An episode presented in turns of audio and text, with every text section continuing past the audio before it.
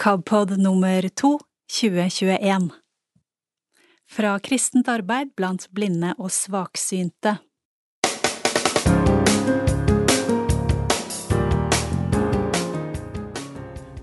KABpod i dag inneholder først litt informasjon fra generalsekretær Øyvind Woie, og vi får høre litt om noen arrangementer vi tror det er mulig å gjennomføre i sommer. Så skal vi komme med en nyhet fra KAB. Snakk om det. Det er vårt nye telefontilbud, samtaletilbud.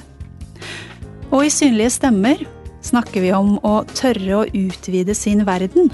Og det er Helena Redding som har skrevet den. I Tanker om tro retter vi oppmerksomheten mot fastetiden. Fasten er ikke en åndelig triatlon. Den er en tid for oppmerksomhet så Gud kan nå fram til oss, sier Peter Halldorf i boken Inn i mysteriet. Og den er lest inn hos KAB, og du får en smakebit fra den her. Videre skal vi til Blindebukk, der Kurt Ove Mæland snakker videre med bibelnerden. Og til slutt får vi klippstoff fra forskjellige kristne organisasjonsblader. Men først altså til Øyvind Boje.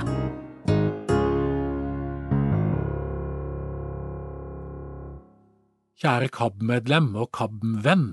Det er veldig hyggelig å få lov å fortelle litt om alt som rører seg. Vi skulle jo tro at vi var mer prega av koronaen enn det vi er, men jammen i meg klarer vi både å få opp nye tilbud og holde liv i ting som har vært viktige for mange KAB-brukere i mange år.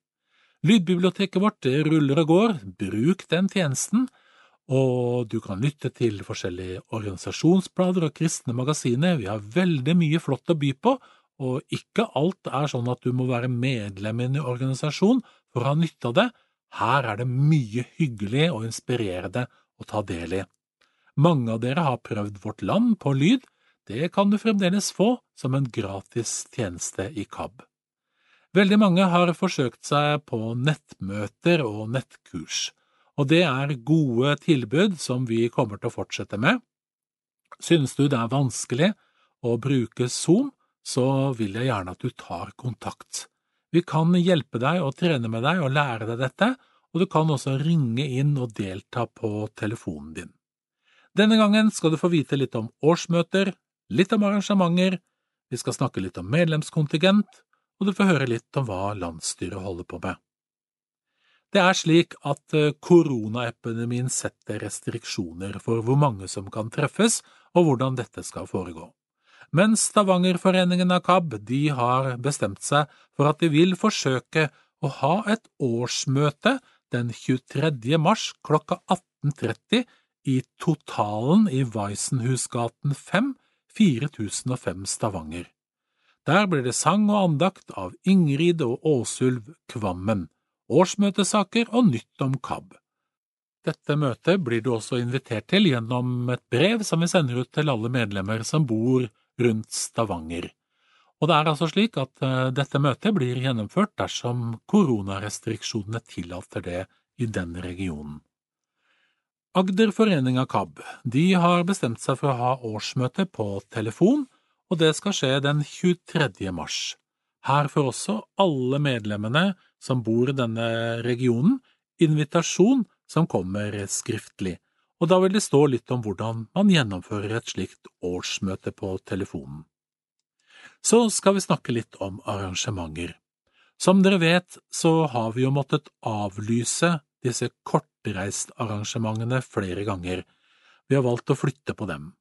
Og vi har også valgt å avlyse storsamlingen på Jeløya.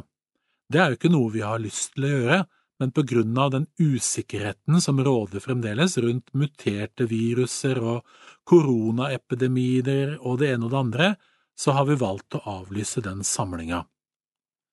Det vi helt sikkert gjør i sommer, hvis koronaen tillater det, og vi håper at det er mulig siden det skjer såpass seint på sommeren, det er å invitere til pilegrimsvandring som er tilrettelagt for synshemmede. Den datoen er flyttet til 22. Eh, til 29. juli, og noen av dere meldte seg på i fjor, og vi vil ta kontakt med dere igjen for å høre om dere vil være med, men det er fremdeles ledige plasser her. Dette er en tilrettelagt vandring sammen med Kjartan Bergsli, som er pilegrimsprest, og denne vandringen går fra Stiklestad og skal via Munkeby og Laberget, vi skal på Tautra, vi skal kjøre båt fra Tautra til Trondheim, og vi skal ende opp på Olavsfestdagene, som er i forbindelse med Olsok. Det vil si at eh, onsdag 28. og 29. juli de foregår på Olavsfestdagene. Prisen for dette arrangementet er 5500 kroner per person, og vi oppfordrer dere til å også skaffe ledsagere. Reisen må dekkes i tillegg. Kanskje litt eh, høy pris syns nå, men dette er altså et arrangement med full pensjon og fullt program, og det er en helt unik opplevelse å være med på dette så ta kontakt hvis du er interessert. Litt lenger utpå høsten så inviterer eh, Søskenbandet, som er eh, vår søsterorganisasjon, til en nordisk konferanse i samarbeid med KAB i Norge og KAB i Danmark. Denne konferansen skal være i Sverige fra 9. til 12. september. Denne er også avhengig av at eh, koronarestriksjonene og vaksiner og alt sammen er på plass og at eh, det er mulig å reise, og da går turen til Å stiftsgård, som ligger ikke så langt fra Uddevalla på den bohuslenske landsbygden, i et lite sted som heter Jungskile. Temaet for denne konferansen er skikkelig spennende. Det er Min plass i kirken – muligheter og utfordringer for meg som har en synsnedsettelse. Vi vil sette opp en eh, fellesreise fra Oslo, og det kommer vi tilbake til når det nærmer seg. På konferansen så skal bidragsytere fra de forskjellige nordiske landene og organisasjonene bidra. Det blir bibelundervisning, og det blir sang og møter, og vi skal ha en spesiell happening med Lena Maria Vendelius, som er en kristen artist og inspirator. Hun er selv funksjonshemmet og er født uten armer og har bare et halvt ben, og er godt kjent i Sverige og i Norden for sitt arbeid og sine opptredener. Prisen på dette arrangementet ja, Nå er det litt sånn forbehold på prisene, men hvis du eh, velger et eh, hotellstandard tosengsrom, altså dobbeltrom, så koster det deg 3150 kroner, inkludert pensjon, og enkeltrommet koster 3800 kroner. Dette er også et vandrerhjem, så vi har en litt enklere standard, og dobbeltrom koster da 2550 kroner, og enkeltrommet 3200 kroner. Eh, det er litt varierende standard, og det er derfor det blir såpass rimelig som det også blir. Du må melde deg på til oss i KAB, da kan du ringe 69 81 69 81 eller sende en e-post til kabalfakrøllkab.no. Så vil du få mer informasjon om arrangementet når du har eh, meldt deg på. Dette er en mulighet til å treffe synshemmede fra de andre nordiske landene, og mange har vært på slike nordiske konferanser tidligere og opplevd å knytte vennskapsbånd og dele erfaringer på tvers av landegrensene. Vi håper på å krysse fingrene for at eh, koronaen legger seg helt bort, slik at vi kan reise på nordisk konferanse fra 9. til 12. september i Sverige. Så har vi arrangert eh, Kortreist. Det betyr at eh, KAB reiser ut til en av de store byene i nærheten av der du bor, og så inviterer vi til en todagers samling, det vil si med én overnatting. Eh, programmet består av en bibelforestilling knyttet til eh, Det nye testamentet på nynorsk, med den utrolig flotte fortelleren Helga Samset.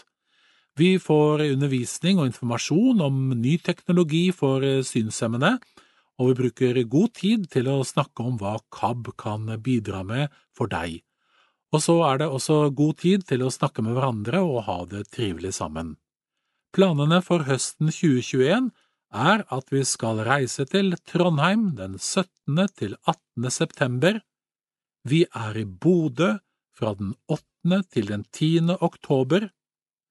Vi reiser til Bergen fra den 22. til den 23. oktober. Vi er på plass i Stavanger fra 5. til 6. november, og vi kommer til Sandefjord fra 12. til 13. november, og vi lander i Oslo til slutt med et eh, nytt Oslo-arrangement fra den 3. til den 4. desember. Disse arrangementene kan du melde deg på til eh, KAB og komme på lista, og det er kjempefint om du har lyst til å være med, og vi har god tilrettelegging i og med at dette er på hotell og holder god standard, og um, vi inviterer deg virkelig til å kaste deg rundt og være med på dette. Dette kan bli veldig bra med KAB kortreist. Og så håper vi igjen på at koronaen tillater oss å ha disse arrangementene. Så gjelder det det som handler om medlemskontingent. KAB er jo en interesseorganisasjon, den er din organisasjon, det er du som eh, bestemmer og det er du som eh, lager og legger grunnlaget for KAB. Nå er det snart utsending av medlemskontingenten for eh, året som kommer, og den får du snart tilsendt i posten. Det koster altså 125 kroner for en voksen å være medlem, og et barn under 16 år betaler 80 kroner.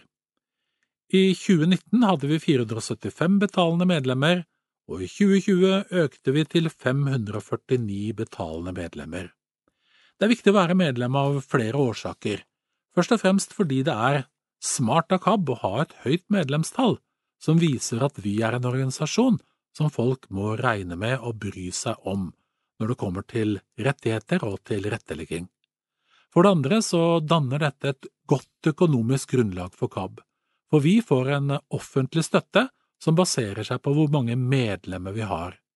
Og et medlemskap som du betaler 125 kroner, bidrar til en økonomisk støtte på 3000–4000 kroner i offentlige midler. Så ved å gi denne summen på 125 kroner, så gir du mye, mye mer til det arbeidet som er viktig for deg gjennom KABs tilbud og tjenester. Så følg med i posten, medlemskontingenten er på vei. Så litt til slutt om eh, KABs landsstyre. De skal ha møte den 4. mars, og det de først og fremst skal behandle på det møtet, det er regnskapet og årsmeldingen for 2020. Dette blir tilgjengelig for deg som medlem også, dersom du ønsker å ha det, og vi kommer til å legge, det, legge til rette for at du kan få lese den informasjonen. Vi skal også lese inn årsmeldingen når den er klar. Årsmeldingen for 20, 2020 viser at eh, mye har eh, skjedd i KAB selv om koronaen har rammet oss. Den viser en organisasjon som er i aktivitet, og som er solid økonomisk på grunn av eh, gode givere. Den viser en organisasjon som har mange aktiviteter som engasjerer mange. Det er dette styremøtet vil handle om denne gangen. Styret skal møtes igjen i april måned og ha en større samling som vil gå over flere dager, hvor de skal drøfte framtiden for KAB og hvordan KAB skal utvikle seg videre. Det var det jeg hadde. Har du noe du vil si til meg, så har jeg telefon 400 20 801. Den kan du ringe eller sende SMS til når som helst på døgnet. Du kan også sende meg en e-post. Da sender du den til oivind, o-y-v-i-n-d, punktum voie, w-o ie krøllalfakab.no. Så får du ha det riktig godt inntil vi høres igjen. Trenger du noen å snakke med? Det kan være overskrifta på det neste vi skal ta opp her i KAB-podden. KAB åpner nemlig en samtaletelefon for deg som har en synshemming.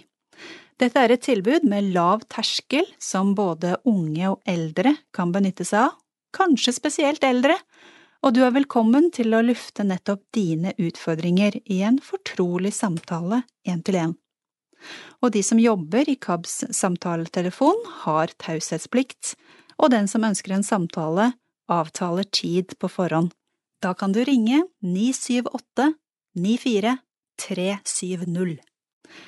Det vil være Hilde Løven Gromstad, som er diakon i KAB, som eh, vil være på telefon etter hvert, men eh, i oppstarten vil det være Kristin Berg. Hun er sosionom og familieterapeut, og vi skal høre litt hva Kristin har å fortelle om det nye tilbudet. Vi hadde nemlig et nettmøte om denne samtaletelefonen der Kristin Berg kunne fortelle litt om opplegget. Og nå får du et eh, opptak av eh, det. Og det første jeg spurte Kristin om var eh, hvordan skal dette samtaletilbudet foregå? Det skal, altså dette skal jo være et samarbeid først og fremst mellom Hilde og, og, meg, nå i startfasen. Og da skal vi jobbe sammen. Eh, og de som ønsker en samtale om store eller små ting som har litt med dette med altså, alt mulig som møter oss i livet hvor dette med synstapet kanskje blir eh, en forsterker av andre ting. Da. Eh, så kan man eh, Da er det Hilde man skal ta kontakt med, og så setter vi opp mm. et Og da er det tirsdagene som er liksom satt av til det. Og jeg tror jo veldig på samtaler. Jeg tror veldig mange knuter kan i hvert fall bli litt løsere, og eh, at noen trykk som vi opplever i mange situasjoner, kan bli litt lettere, litt mindre, gjennom gode samtaler. Så det er jo det vi ønsker å tilby i det individuelle samtaleopplegget. Fordi jeg er overbevist om at eh, alle mennesker, uansett hvordan øya funker, så møtes vi jo av vanskelige ting i livet uansett. Og noen ting er så vanskelig for oss at vi skal ha profesjonell hjelp og gå til behandling. Det er akkurat som med kroppen vår, det. Altså, ting skal behandles av lege av og til. Og så er det noen ting som kan løses med sunt kosthold, trening og også gode samtaler. Jeg tror at det ligger veldig mye um, Kall det helbredelse, eller i hvert fall lettelse, i en god samtale. Og det å kunne få tid til å Det var veldig lett å tenke at det er så lite, det er mange som har det så mye verre enn meg. Og Det kan noen ganger være lurt å tenke det, syns jeg. da, At det er mange som har det verre enn meg. Men du har dine ting som er store nok til å jobbe med, og alle fortjener å få det så godt som mulig, tenker jeg. Kristin Berg er engasjert hos KAB bare fram til mai, og her forteller hun litt om hva hun skal etterpå. Jo, da mm, har jeg fått jobb ved noe som heter eh, Nasjonal behandlingstjeneste for hørsel og psykisk helse som er en del av spesialisthelsetjenesten. Og som gir, eh, har gitt i mange år et tilbud til personer som eh, har et hørselstap, eller i kombinasjon med syn, syn og hørselstap. Men de har som egentlig litt sånn følge av den forskningen som jeg nevnte i stad, så har de i samarbeid med Blindeforbundet jobba veldig mye for å få på plass et tilbud også til synshemma. Og det blir jo et uh, tilbud som, som skal bidra til at synshemma får et likeverdig behandlingstilbud. Fordi det er liten kompetanse rundt på DPS-ene og BUP-ene som jobber med som er liksom eh, det tilbudet man har lokalt. Så er det liten kompetanse på sansetap generelt. Og Det vil jo bli mer en sånn, og det er jo veldig spennende hvis vi kan få til et sånn godt samarbeid tenker jeg, mellom KAB og, og dette tilbudet som ligger på Gaustad. Um, men det vi snakker om i KAB, det er jo liksom litt sånn lavterskel eh, som, som, kan være for småting i hverdagen kan virke veldig små, men de kan jo få ganske stor betydning for oss. Alt dette her med at uh, jeg gruer meg til å gå ut, for jeg veit ikke om jeg finner fram. Mm. Jeg, jeg, mm. vet ikke helt hva jeg skal gjøre i pausen på koret. Jeg har kjempelyst til å synge i kor, men hvordan finne fram i pausene. Og alle de der småsituasjonene som møter oss hvor vi føler oss dumme, og det er noe av det som virkelig jeg har fått øya opp for i løpet av de siste åra jeg jobba med, med er spesielt. Da. Hvor mye som skjer oss, og hvor mange ganger i løpet av et år vi sier 'jeg forsto det ikke', eller at man føler seg dum fordi man rett og slett ikke har fått informasjon. Man, man, så ikke at den personen så bort når jeg snakka til vedkommende, og jeg fortsetter å prate ut i løse lufta. Og den følelsen av å føle seg dum, den er det så mange som forteller om. Og det mm. tenker jeg det er liksom litt der vi er, at den der følelsen kan være veldig vond og veldig hemmende. Og jeg tror vi kan hjelpe hverandre med å sortere litt. Og det er jo det vi håper på gjennom det samtaletilbudet her Mm. eh, nå på tirsdagene. Da. Og så er det jo noen som også trenger eh, tettere oppfølging i form av behandling, fordi ting er såpass alvorlig at det skal behandling til. Og det er jo noe av det vi også skal prøve å sortere. ikke sant? Altså Noen trenger en samtale, så kan ting ha letna litt, og noen trenger mer omfattende oppfølging over tid. Mm. Mm. Men det som, det som Og da er det jo, er det jo helt supert at eh, de kjenner deg, Kristin, og vet at der skal du jobbe, sånn at man har på en måte en sånn Hvis, hvis, hvis det trengs mer, da, så, så er det naturlig at man har en samtale inn mot dette senteret. Eh, og jeg tenker at det, det fordi, som du sier, det, det tilbudet vi skal gi, er jo ikke terapi. Men, men det er viktig at det er For jeg kan tenke meg at det er mange som kan slite med akkurat det du sier, med sånn åh, skjønner ikke hva jeg skal gjøre i pausen i kor, eller, eller gruer meg liksom til å gå ut alene. Og så får man jo ikke alltid så god og relevant hjelp av sine seende mm, psykologer eller samtalepartnere. Så det er noe med å kanskje kunne utnytte at vi har noe, liksom, litt kompetanse da, på, på, det med å leve med et synstap. Og det er liksom noen av de utfordringene som vi, som vi kanskje håper at vi kan møte folk på en god måte. Mm. Men, Så man Mm. ofte kanskje kan bli litt sånn Jeg har inntrykk av at det noen ganger eh, ikke helt er så lett for scenen å forstå at det kan være så vanskelig som det faktisk er. Vi har snakka litt om Peder Kjøs, Kristin, og jeg kan jo huske når jeg Han hadde jo en blind jente som eh, i utgangspunktet liksom kanskje hadde en slags sosial angst, i hvert fall syntes det var skikkelig vanskelig å gå i butikken. Og han hadde jo planen klar. Men han skjønte jo underveis der at oi, dette handler jo om noe annet. Mm. Jeg må rett og slett bare legge bort denne oppskriften min, som jeg pleier å bruke på alle andre som har det sånn. Eh, Og så må vi gjøre det på en litt annen måte. Og så var det andre ting som kanskje måtte også snakkes om, da. Mm. Mm. Og det tenker jeg ofte nok ofte kan være både i møter med Altså nå har jo vi snakka med noen eh, på Modum, og vi har vært på Institutt for sjelesorg. Og kompetansen der er jo heller ikke voldsom. Nei. eh, I forhold til det å jobbe med mennesker med et uh, I hvert fall sånn som syn og hørsel, da. Så det trengs. at-. Ja. Jeg tror også at, um, altså, at Eller språket, måten vi tenker om, måten vi snakker om Hvis jeg bare kan få lov til å være litt ufin med deg nå, Hilde? ja. Får jeg lov til det? Ja, vær så god. Nei, for Du nevnte dette med koret, og så sa du, og så skjønner jeg kanskje ikke hva jeg skal gjøre i pausen. Eller forstår jeg kanskje ikke hva jeg skal gjøre i pausen. Ja. Og Det er veldig interessant, for det er akkurat det vi sier veldig ofte. Men vet du hva, jeg skjønner veldig godt hva jeg skal gjøre i pausen. Det er bare at jeg ser ikke hvor folk er. Nei. Jeg skjønner det veldig godt. Og jeg tror jo det gjør noe med oss når vi går og sier til oss selv at jeg skjønner ikke ditt, jeg forstår ikke datt. Mm. Ofte handler det absolutt Jeg har god forståelse for hvordan jeg henvender meg til folk. Ja, Mm. men, eh, og, og jeg må bare få si Kristin, at, det, at det var egentlig Altså det jeg mente var kanskje at jeg skjønner ikke hvordan jeg skal få det til, da.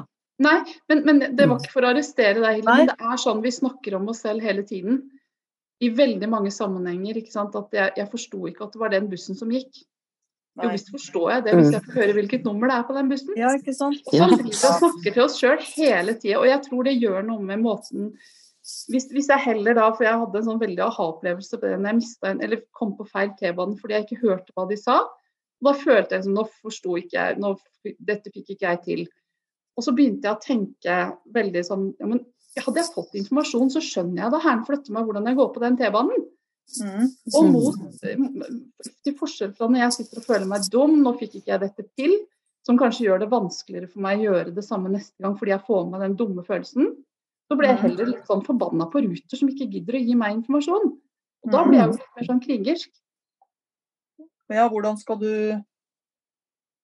ha en slags strategi da for Fordi du kan jo ikke forvente altså Du får jo ikke gjort noe med Ruter sånn med en Det er jo mange ting som er litt sånn Hvis du på en måte veit hvordan du vil ha det, Mm. eh, men det er jo ikke nødvendigvis at det blir sånn. Fordi det er avhengig av eh, ting utafor deg, da. Det er mange ting man ikke kan forandre på, men måten vi tenker om en sak, kan gjøre veldig mye med min opplevelse. Ja. Mm. Fordi Hvis jeg blir sinna på Ruter, så er det kanskje lettere å gå ut neste gang, selv om jeg vet at det samme kan skje, enn hvis jeg går hjem og føler meg dum som ikke klarte å gå på T-banen. Ja.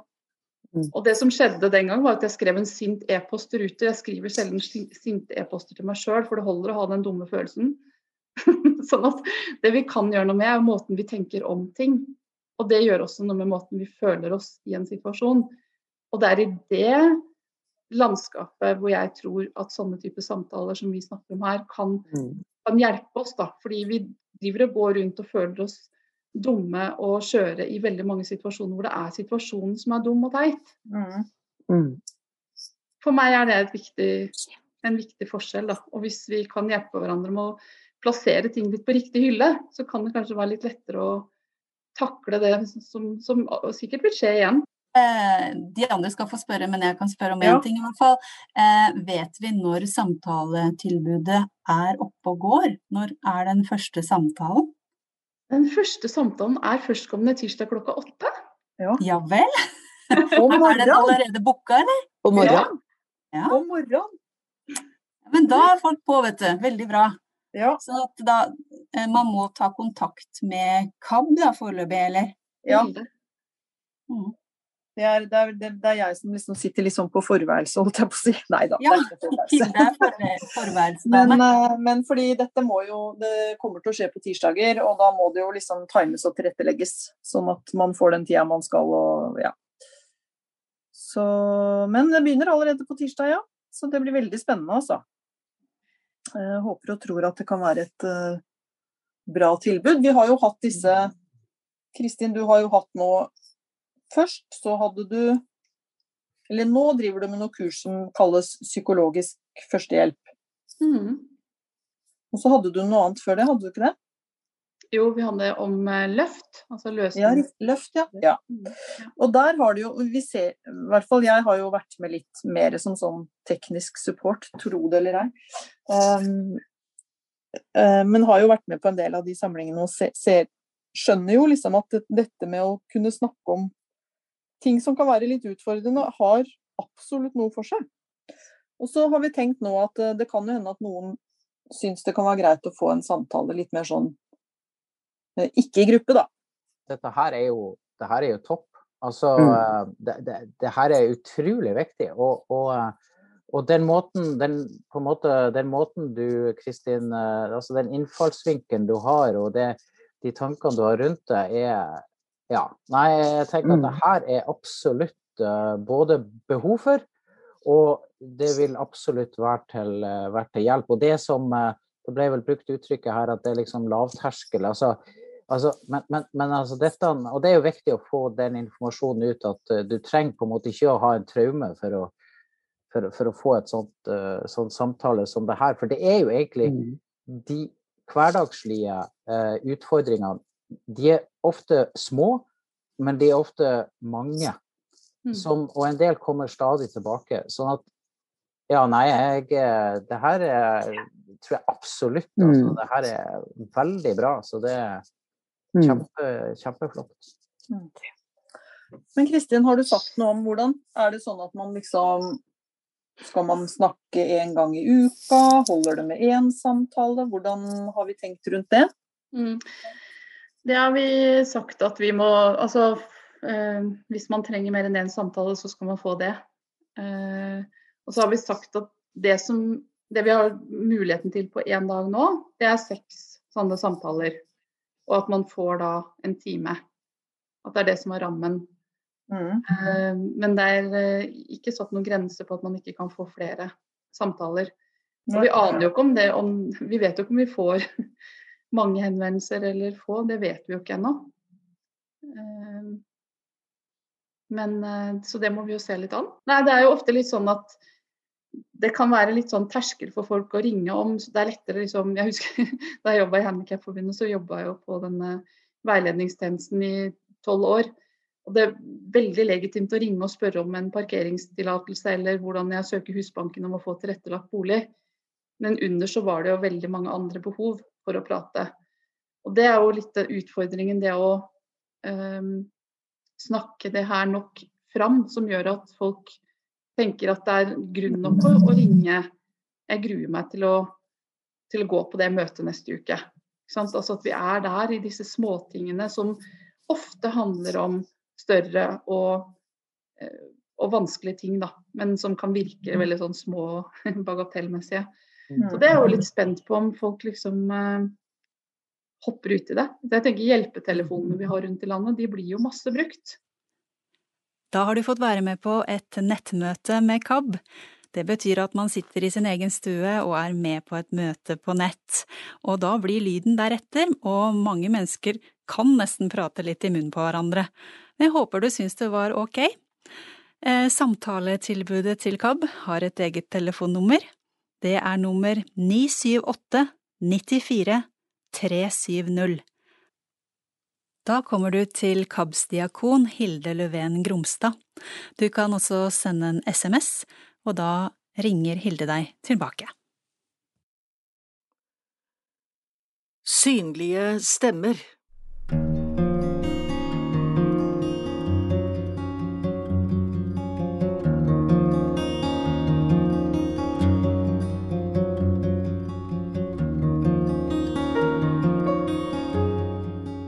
Helena Redding Endelig tør jeg å utvide min verden. Etter at jeg ble blind, var noe av det aller vanskeligste jeg måtte lære meg å tørre å gå meg vill, å tørre å utvide min nye, lille verden. Når jeg ikke lenger kunne orientere meg ved hjelp av synet, føltes hjemmets fire vegger som min trygge havn. Men selv der var det mange skumle ting som plutselig kunne dukke opp hvor jeg minst ventet det. Som et par sko slengt midt i gangen, eller en stol som hadde blitt flyttet på. Jeg fikk utlevert en hvit stokk, og den ble med meg på mange turer, godt pakket ned i veska hvor den ikke kunne ses av naboene.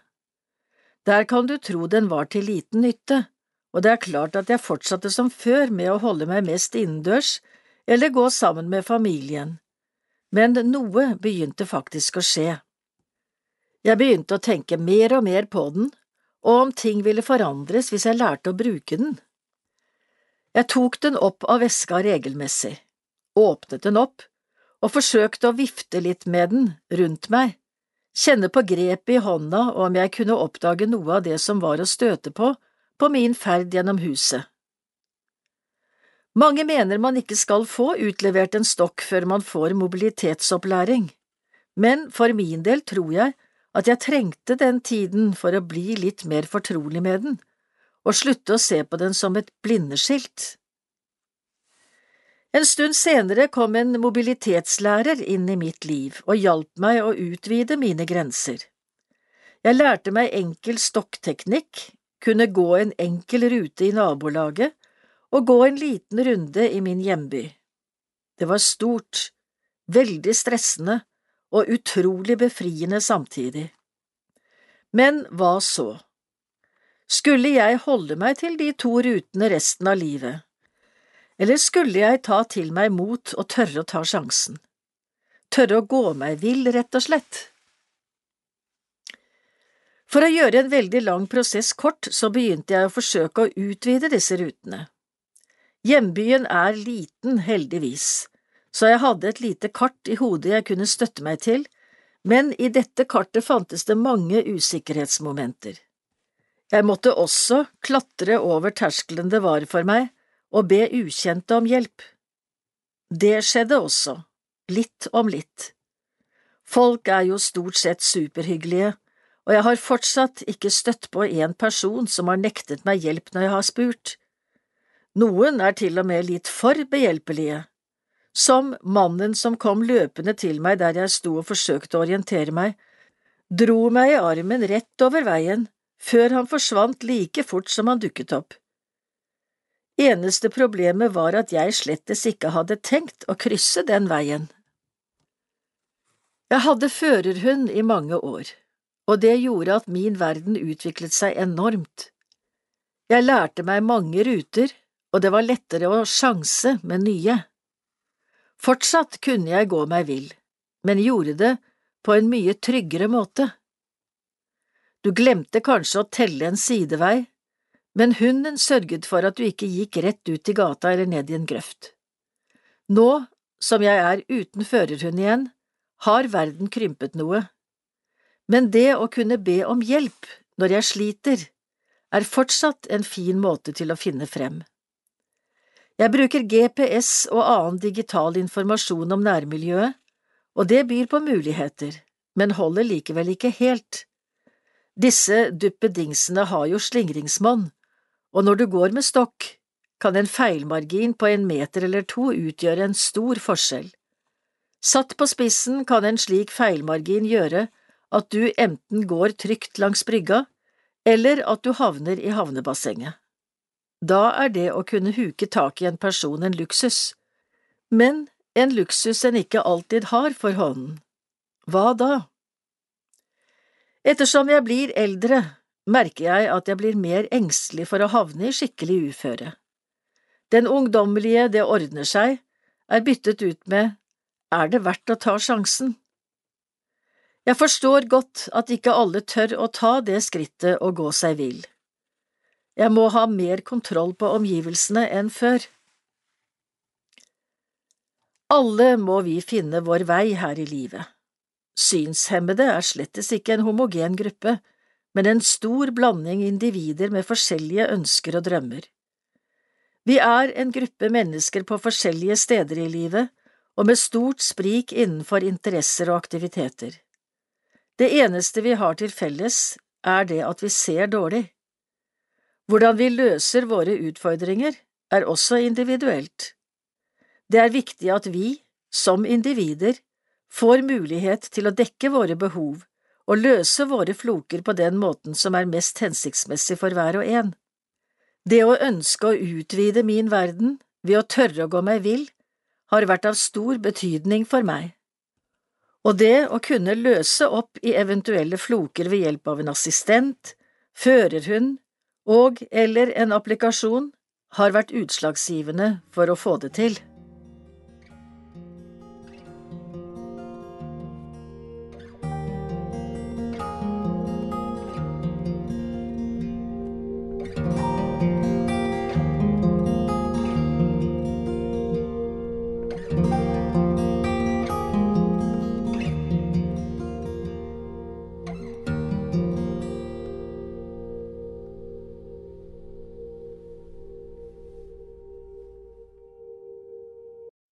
Til leseren.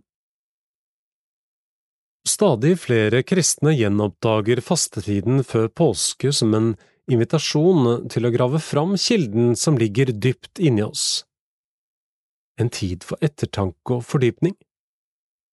Helt siden 300-tallet, da fastetiden ble utvidet til de fulltallige 40 dagene, har dette vært en særegen periode i kirkeåret da gudstjenestene og andaktene blir mer lavmælte, mer alvorspregede. De avdempede fargene og tonene, utvalget av bibeltekster, den nedstrippede liturgien, alt bidrar til å senke farten og gjøre oss mer oppmerksomme. Formålet med denne boken er å oppmuntre til en praksis som for kristne over hele verden har blitt en naturlig del av fasten. Daglig lesing i korte avsnitt som proviant på vandringen mot påske. Boken har ett oppslag for hver dag i fastetiden fra askeonsdag til første påskedag. Hvert oppslag består av en overskrift, et kort bibelord, en betraktning og en avsluttende bønn. Å lese dagens betraktning tar ikke mer enn noen minutter. Det begrensede omfanget er med hensikt for å legge til rette for refleksjon, gjentatt lesing stillhet. I fastetiden blir det påtakelig at vi ikke er overlatt til oss selv. Vi vandrer i fellesskap, i menigheten og sammen med hele den verdensvide kirken. Det inspirerer oss å vite at vi er mange som her og nå velger å følge sin lengsel med sterkere besluttsomhet. Fasten er ikke en dyster tid, den er, som det het tidligere, sjelens åndelige vår. Tar vi denne tiden på alvor, er det ikke til å unngå at en fornyet kjærlighet spirer fram.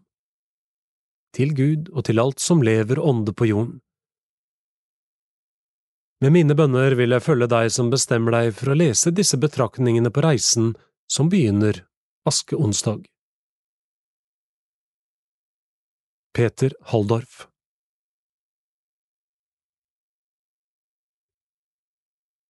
Askeonsdag med nåden som proviant på veien. Men nå bøyer jeg kne i mitt hjerte og bønnfaller deg om miskunn.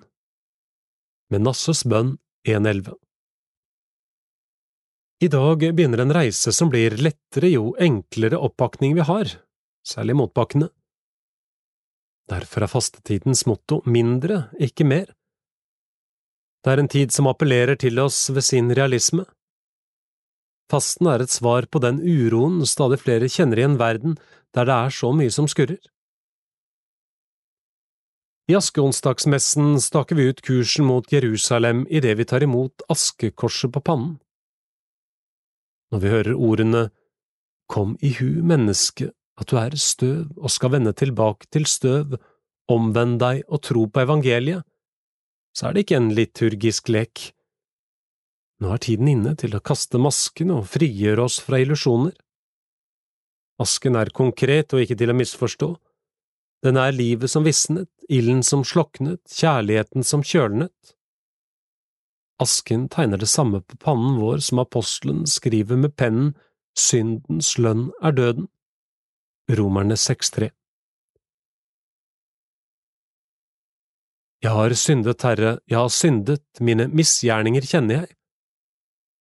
Ordene tilhører Menasse, judakongen, som på 600-tallet før Kristus er rammet av sønderknusende anger. Da innser vi at nåden evner å punktere selv det mest forherdede hjertet. Stikk i hjertet, cum punctio, skjenker oss tårenes nådegave, den karisma som gjør at vi frasier oss alle pretensiøse ambisjoner.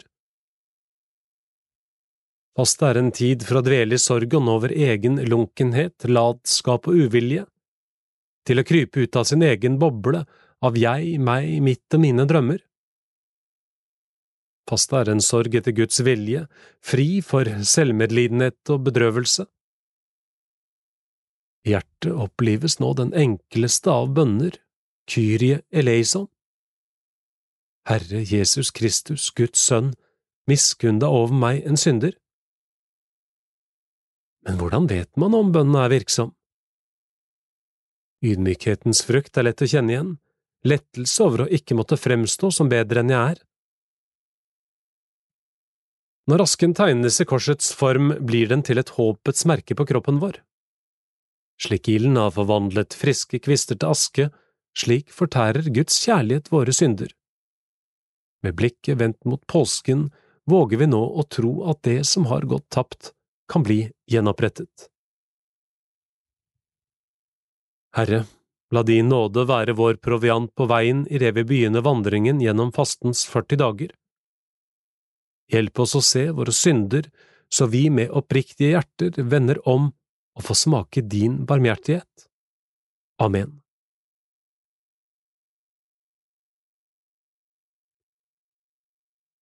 Torsdag etter askeonsdag Nøkkelord for fasten Nei, dette er fasten jeg har valgt, å løse urettferdige lenker, sprenge bånd i åket, sette undertrykte fri og bryte hvert åk i stykker, og dele ditt brød med sultne og la hjelpeløse og hjemløse komme i hus. Du skal se til en nakne og kle ham, du skal ikke snu ryggen til dine egne. Jesaja 58, 6–7 Tre motiver kan være retningsgivende i det vi innleder fastetiden. Sindighet, solidaritet og stillhet. Sindighet handler om måtehold. Det er riktignok den indre holdningen som er avgjørende, men faste forutsetter like fullt en slags konkretisering. Hvilke grenser må jeg sette for meg selv denne fasten? Hvordan kan jeg si nei til et selvbilde og et verdensbilde der alt dreier seg om vekst og fremgang? I en kultur der det meste er innrettet på merverdi, lar fasten oss ane hvilken befrielse som ligger i å avstå. Hva kan det innebære å spise mindre, kjøpe mindre, reise mindre, tjene mindre? Kort sagt øve seg i en måteholden livsstil. I fastetiden peker spørsmålene og svarene i samme retning. Hvordan vi velger å faste, er alltid personlig. Noen søker en større grad av indre samling ved å legge inn en retreat i denne perioden. Noen velger å spise vegetarisk. Noen logger av fra sosiale medier, Øyets og ørets faste kan bli som en åpenbaring. Profetene løfter ettertrykkelig fram fasten som en tid for å vise solidaritet. Er det noen som kunne trenge min hjelp i fastetiden, enslige eller familier? Ikke bare med bønn, men også med brød. Er det noen jeg kan gjøre livet lettere for ved å stikke innom? Eller invitere dem til middag hva kan jeg avstå fra for å gi lindring og trøst til de forfulgte og dem som er på flukt? Vi trenger tider i livet da det ikke er den som betaler best, som får vår oppmerksomhet. Fasten er en sånn tid. Stillhet er verktøyet som gjør oss nærværende overfor det store nærværet. Vær stille for Herren og vent på ham. Salmenes bok 37,7 med blikket vendt mot Jesus blir fasten en vandring i kjærlighet, ikke selvpining. Vi øver oss i å leve og handle med Jesus, i Jesus og ved Jesus. Den kristne fasten er primært en vei til dypere fortrolighet i bønnen. Med blikket festet på Jesus kommer mye annet av seg selv, uten anstrengelse. Gud, du som har skapt mennesket i ditt bilde, befri dine barn fra det som krenker menneskets verdighet, og lær oss å avstå fra all overflod for å hjelpe dem som lider nød. Amen.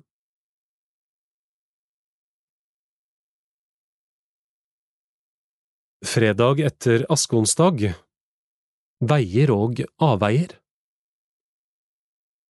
som dere før besluttet å leve langt borte fra Gud, skal dere nå med tidobbel iver søke tilbake til ham. Baruk 428 Å søke Gud med iver må ikke forveksles med en viljeshandling. Disiplin er en nødvendig øvelse. Den kan holde det onde borte, men vi kommer ikke nærmere Gud og vi anstrenger oss aldri så mye. Frukten av åndelig modning avhenger av noe annet enn en sterk vilje. Alt det vi kan bestemme oss for å gjennomføre på ren viljestyrke, er bare av indirekte betydning. Gartneren luker jorden for ugress, men det er solen og regnet som gir vekst. På samme måte er frelsen fri for slit og strev. Hvor mye vi enn leter, finner vi ikke Gud. En fruktbar søken består av tålmodig oppmerksomhet, en stille forventning. Lettheten som preger et friskt åndelig liv, kan være vanskelig å ta til seg. Vi vil heller anstrenge oss, klatre opp til himmelen, løfte oss selv nærmere Gud. Den slags søken kan vise seg å være et villspor som bare fører oss på avveier, lenger bort fra Gud. Men om vi venter oppmerksomt, vil Gud stige ned og løfte oss opp til seg. Noen annen vei finnes ikke til den erfaringen Paulus vil åpne øynene våre for deres liv er skjult med Kristus i Gud. Kolosserne 3.3 I de bibelske fortellingene og lignelsene er det alltid Gud som oppsøker mennesket. Selv kan vi ikke ta et eneste skritt mot Gud uten at vi blir drevet eller kalt til det. Vi kan bare vente oppmerksomt, slå rot i lengselen vi er laget av. Det sikreste tegnet på den tidoble iveren er ikke at vi strever og sliter, men at vi blir stående. I vår lengsel, vår kjærlighet, vår årvåkenhet. Fasten er ikke en åndelig triatlon, den er en tid for oppmerksomhet, så Gud kan nå fram til oss. Gud, befri oss fra vår selvopptatthet, slik at omsorgen for menneskeslekten gjør oss mindre fiksert på vår egen anseelse, våre kirker, våre meninger, våre rettigheter. Gi oss gleden og friheten som kommer av å sette all vår lit til deg. Amen. Du hører Blindebukk, en podkast produsert for KAB av Kurt Ove Mæland. I dag så skal du igjen få møte Lars Olav Gjøra, som er selvtitulert bibelnerd. Han underviser ved Gå ut-senteret i Trondheim, og i dag så skal vi snakke om Jesus stanset og ba om at den blinde skulle føres til ham. Da han kom nærmere, spurte Jesus ham, Hva vil du jeg skal gjøre for deg? Han svarte, Herre, la meg få synet igjen. Jesus sa til ham, Bli seende, din tro har frelst deg. Det jeg har tenkt rundt dette her, er at eh, Altså, det virker sånn på meg at i Bibelen så henger det veldig sammen med tro, det her når man blir helbreda. Og at det ikke Det skilles liksom ikke fra det å forkynne evangeliet. Eh, Jesus går jo og helbreder mange i Lukas uh, 4 rundt der, og så snakker han om det som at han forkynner evangeliet. Eh, og det er ofte når folk blir eh, helbreda, så kommer de også til tro i samme, samme hendelse, virker det som. Sånn at jeg har tenkt at eh, um, Ja, altså en annen ting er jo at, at Jesus, når han Et viktig vers da, i dette her er når Johannes, som er i fengsel, døperen Johannes, sender eh, noen disipler av seg for å spørre Jesus om han faktisk er Messias, eller har vi tatt feil, skal vi vente på en annen? Og så svarer Jesus med å sitere fra eh, spesielt Jesaja, der han snakker om at eh, døde står opp, og lamme går, og døve hører, og blinde ser, og sånt. Um, og så er jo det, det, er jo det Jesus gjør. Han gjør jo det eh, rent konkret. Mens hvis du slår opp de versene som han siterer i Jesaja, så handler jo ikke det egentlig om sånne fysiske mirakler, men det handler om, om den åndelige Altså at folket som sitter i eksil i Babylon, er åndelig døve for Guds ord og blinde eh, på den måten. Åndelig blinde. De er eh, døde som nasjon, kanskje, og de er fanget lamme da, siden de er i eksil. Um, og så er Jesus den første som som gjør sånne konkrete mirakler som eh, Altså, ingen forventa en Messias som skulle gjøre sånne mirakler, da. Og virker som at Jesus gjør de tingene for å, eh, at det skal peke på den åndelige sannheten bak. Så, så, også når han, før han reiser opp Lasarus i Johannes 11, så sier han 'jeg er oppstandelsen og livet'. Og så han, viser han på en måte konkret eh, eksempel på det. Um, så at miraklene han gjør, skal peke på, på noe viktigere egentlig bak. da. Um, og Derfor tenker jeg da at kanskje um, skjer det mindre av det, i hvert fall i vår del av verden, fordi det ikke ville ha ført til at folk kommer til tro på samme måte som det gjør i andre deler av verden, der man er mer åpen for sånne ting, og kanskje ikke vil um, rasjonalisere, rasjonalisere det bort, eller eller eh, ja, bortforklare det på en eller annen måte, eller Jeg regner med at Gud har sine grunner til å eh, jobbe på forskjellige måter, kanskje, og at her i Vesten så er Det var en som sa det en gang, at her i Vesten så er veien eh, gjennom intellektet. Og at det er litt annerledes enn i andre deler av verden. Men man, kan jo, kanskje... man kan jo tro at Jesus hjelper. Ja da, og eh, det er jo Ja, det er mange måter Gud kan nå inn til mennesker på. Så det, men akkurat dette med mirakler, så, Én ting er jo det som sagt at um, altså Det henger så sammen med å komme til tro at, at du hører f.eks. ikke om noen i Bibelen som, så vidt jeg kan huske, som, som driver bare med mirakler og ikke med forkynnelse. Um, og at det hele tida henger sammen med det, og at det da, siden vi etter kanskje siden opplysningstida har uh, kjørt oss uh, inn i en retning her i Vesten, um, så må folk nås på en annen måte. Um, og det kan være veldig mange måter. Og som du sier, at noen uforklarlige ting kanskje kan skje i hverdagen. Og, um, nei, det der er et mysterium, hvordan, hvordan man kan komme til tro, og hva som Altså det Jesus sa, det viktigste som Jesus sa, var jo at folk kommer til å tro hvis eh, dere elsker hverandre, sier han til disiplene, og til oss da, i Johannes 13 og 20. At eh, verden skal se at, eh, at jeg er eh, At han er Guds sønn, hvis vi elsker hverandre. Så det er jo en, kanskje det viktigste misjonsstrategien. Framfor det å at mirakler skal skje for at folk kommer til tro. Men jeg som blind, jeg opplever ofte at jeg blir stoppet på gaten der de Mm. ønsker å be for meg. Og jeg, Ja. jeg har lurt litt på eh, eh, ikke det litt sånn eh, Kan det være litt ubibelsk i forhold til at eh, jeg, jeg, Det er ikke mange steder i Bibelen at Jesus stopper eller går bort til noen Mm. som ikke har spurt han. Sant. Mm. Ja, veldig interessant spørsmål, det, altså. Og han spør jo til og med når, når eh, en blind kommer og, og, og får oppmerksomhet til Jesus, så spør jo Jesus hva vil du jeg skal gjøre for deg. Så det er likevel ikke tatt for gitt fra Jesus at, at det er det han kommer for. Um, så ja, uh, ubibelsk i den forstand at det ikke nevnes i Bibelen, det kan vi i hvert fall si. Um, om det er direkte galt, det blir jo kanskje et annet spørsmål, men, men uh, det er da jeg lurer på om han kanskje da har hengt seg litt jeg vet, altså Det er så vanskelig det her, og jeg er jo ikke noen autoritet på mirakler, men, men jeg syns jeg syns det kan bli litt skjevt fokus hvis man, hvis man henger seg opp i miraklene når f.eks. Jesus gjorde jo ikke mirakler i Nasaret, der, der de ikke trodde på ham og, og ikke hadde um, Altså, de visste altså de, Ja, han er jo hvem er han er? Han er Josefs sønn, og hva er spesielt med han?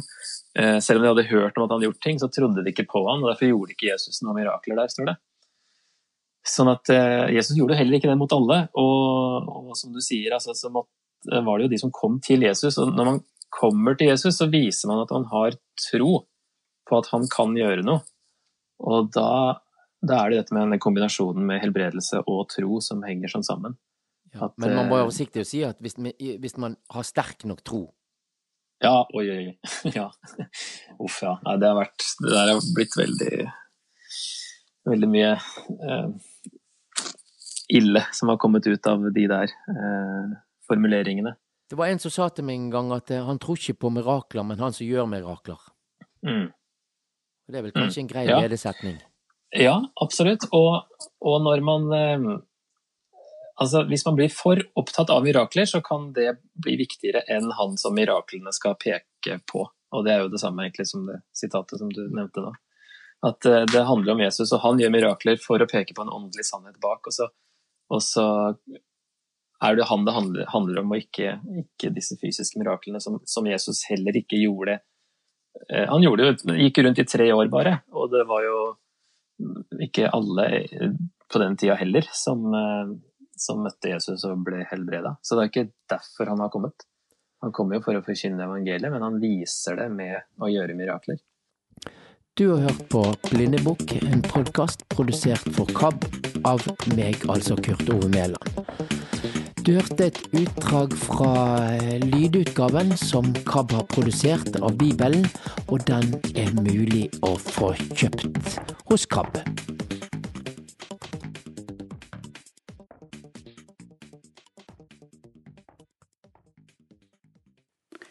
Det var innslagene i KABpod for denne gang. KABpod er en samling av eh, de andre podkastene som KAB produserer. Vi lager rekker av podkaster, sånn at eh, du kan selv søke opp for eksempel Blindebukk eller Tanker om tro, og snart kommer også Synlige stemmer som egen podkastrekke. Men du får altså gjennom KABpod en eh, fin blanding av nesten noen smakebiter. Til slutt skal vi ha klippstoff ifra fem forskjellige organisasjonsblader, og de bladene er Agenda 316, Utsyn, Krigsropet, Stefanus og Misjonstidene. Portrettet Tor Håvik delte tro i beste sendetid. Dåp og godnattvelsignelse på TV var mer enn det presten Tor Håvik håpet på da han deltok i høstens utgave av realityserien Farmen. Hele Norges realityprest peker på Jesus og vil sette gode spor hos mennesker. Tekst Birgit Nersten Lopaki Da den nyutdannede presten Tor Håvik i fjor søkte om å bli med i TV 2-realityserien Farmen, var en stor del av motivasjonen hans å dele sin kristne tro. Konseptet Farmen går ut på at 12–14 deltakere bor på en gård uten moderne hjelpemidler, slik det var for 100 år siden. Programmet er Norges mest sette realityserie og har gått på TV2 siden 2001. Det var derfor ingen liten arena Thor ville vise fram troen sin på. Det er mange som skriver til meg at de har blitt inspirert til å følge Jesus enda tydeligere i hverdagen sin. Det er veldig stort, sier han, fra barndomshjemmet i Bergen da vi møttes på nett. Hallelujastemning. Bergenseren forteller at han helt fra starten opplevde at de andre deltakerne heiet fram det han som kristen og prest tok med seg inn i fellesskapet på gården. Jeg opplever at jeg har fått vandre i ferdiglagte gjerninger. De andre på gården så verdien av bønn og gode bibel- og livsfortellinger. Presten, som nå jobber i Salhus menighet utenfor Bergen, sier det åpnet øynene hans for hvor positive mange faktisk er til sin lokale kirke her i Norge. Der døper de barna sine, konfirmerer seg og gravlegger sine kjære. Når kirkepositive møter kirkeaktive, kan det bli hallelujastemning. Det ble det på en måte inne på gården. Han er glad for at seerne fikk et innblikk i dette på skjermen. Tor Håvik, 27, prest i Salhus menighet utenfor Bergen, singel, tre yngre søsken, en søster og to brødre, driver sin egen YouTube-kanal Livsgnisten, kjent gjennom sin deltakelse i høstens runde av realityserien Farmen. Den viktige fortellingen Hva er det første som faller deg inn hvis jeg spør Hvem er du? Tor Tor, elsket av Gud. Bergenseren er en historieforteller og har samlet både inspirerende livsfortellinger og bibelhistorier som han gjerne deler. Mange av dem kan han utenat. Det er det jeg husker fra en preken, ikke teorien og alle ordene. Jesus er jo også helt eksepsjonell med sine historier. 27-åringen bruker fortellinger til å forklare hva han mener, og snakker om at de preger oss. Han tror vi alle bærer fortellinger i livene våre, og at når de gjentas, former de oss. Min fortelling er at jeg alltid har opplevd å være elsket og ønsket i denne verden. Det har gjort det mye enklere å leve og å møte mennesker. Den tryggheten jeg har fått av mine foreldre og omgivelser, er en stor rikdom i prestetjenesten. Jeg er også preget av fortellingen om at det viktigste man kan gjøre i livet, er å sette gode spor i andres liv. Hva er et godt spor? Å være med og lede mennesker til Jesus. Det har evigvarende betydning. Et annet godt spor er å få mennesker til å oppleve seg sett, elsket og viktig, og å utruste dem til å være et godt medmenneske. Thor peker spesielt på foreldrenes unike mulighet til å sette gode spor og forme barna sine gjennom flere år ved å elske dem og se dem. Det er utrolig meningsfylt å bli foreldre. Jeg gleder meg til den tiden og håper jeg en dag får muligheten til det. Den store påvirkningskraften foreldre har i generasjon etter generasjon, er også et stort ansvar. Det som står igjen etter oss, er de sporene vi setter i andres liv.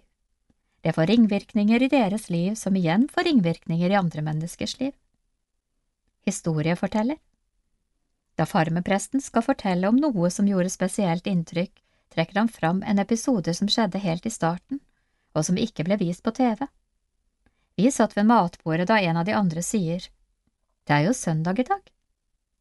Thor forteller hvordan Lene, en av deltakerne, sa at han måtte holde en andakt for dem. Etter måltidet gikk alle ned i peisestuen, fyrte i peisen, og Thor fortalte en av sine mange historier.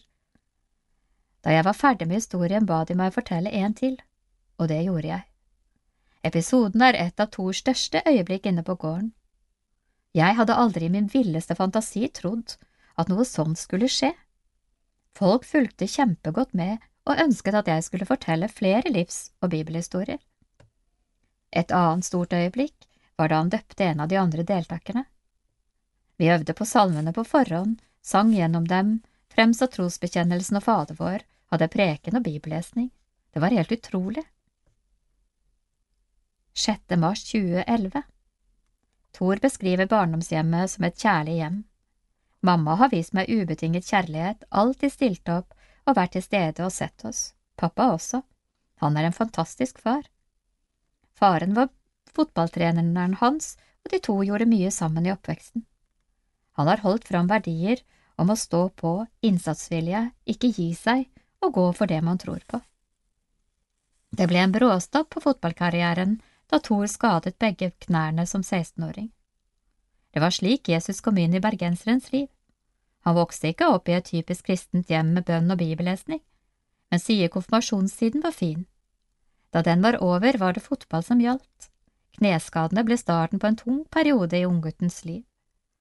Det som hadde gitt meg så mye retning og håp i livet, ble på en måte bare tatt fra meg. Jeg satt igjen med en tomhetsfølelse på innsiden. Thor begynte å tenke på den kristne troen og Gud. 6. mars 2011 skjedde det som endret livet hans. Han satt på gutterommet hjemme og hadde en tung dag da han bestemte seg for å prøve å be til Gud. Jeg ba noe sånt som at Gud, unnskyld for at jeg valgte min egen vei. Hvis du finnes, skal jeg gå 100% inn for deg. Mens jeg ba, var det akkurat som om det strømmet en ufattelig kjærlighet, godhet og fred over meg. Hjertet mitt holdt på å eksplodere. Jeg begynte å grine og grine, og jeg skjønte at wow, Gud bryr seg faktisk om meg. Han elsker Thor Håvik, og han finnes. Ikke lenge etter sendte Thor en e-post til konfirmantpresten sin. Hei, Olav, nå er jeg klar for å gå 100% for Gud, kan vi møtes? Hilsen Thor. Det tok ikke lang tid før han var en naturlig del av Loddefjord menighets ungdomsarbeid. Hvem er Jesus for deg i dag? Bestevenn, og selvfølgelig frelser og herre og håpsbærer, det er mange ord som beskriver Jesus. Han er også et forbilde. Evigvarende betydning Thor har markert 6. mars hvert år siden han den dagen fikk et møte med Gud. I år blir det tiårsjubileum. For meg har det som skjedde den dagen evigvarende betydning. Et sitat sier at de to største dagene i livet er den dagen du ble født og den dagen du forsto hvorfor du ble født. Gud kom meg i møte og viste meg sin ufattelige kjærlighet på det som var en mørk dag. Det er den dagen jeg ble frelst. Med en slik oppvekst fylt av kjærlighet, så opplever du likevel at troen på Gud utgjør en forskjell for deg? Ja, veldig. Tenk hvor stort det er. Vi lengter etter anerkjennelse fra folk vi ser opp til. Dette er Gud, skaperen, som faktisk anerkjenner oss. Det er vanvittig den verdien Gud har satt på oss. Ingen av oss strekker til.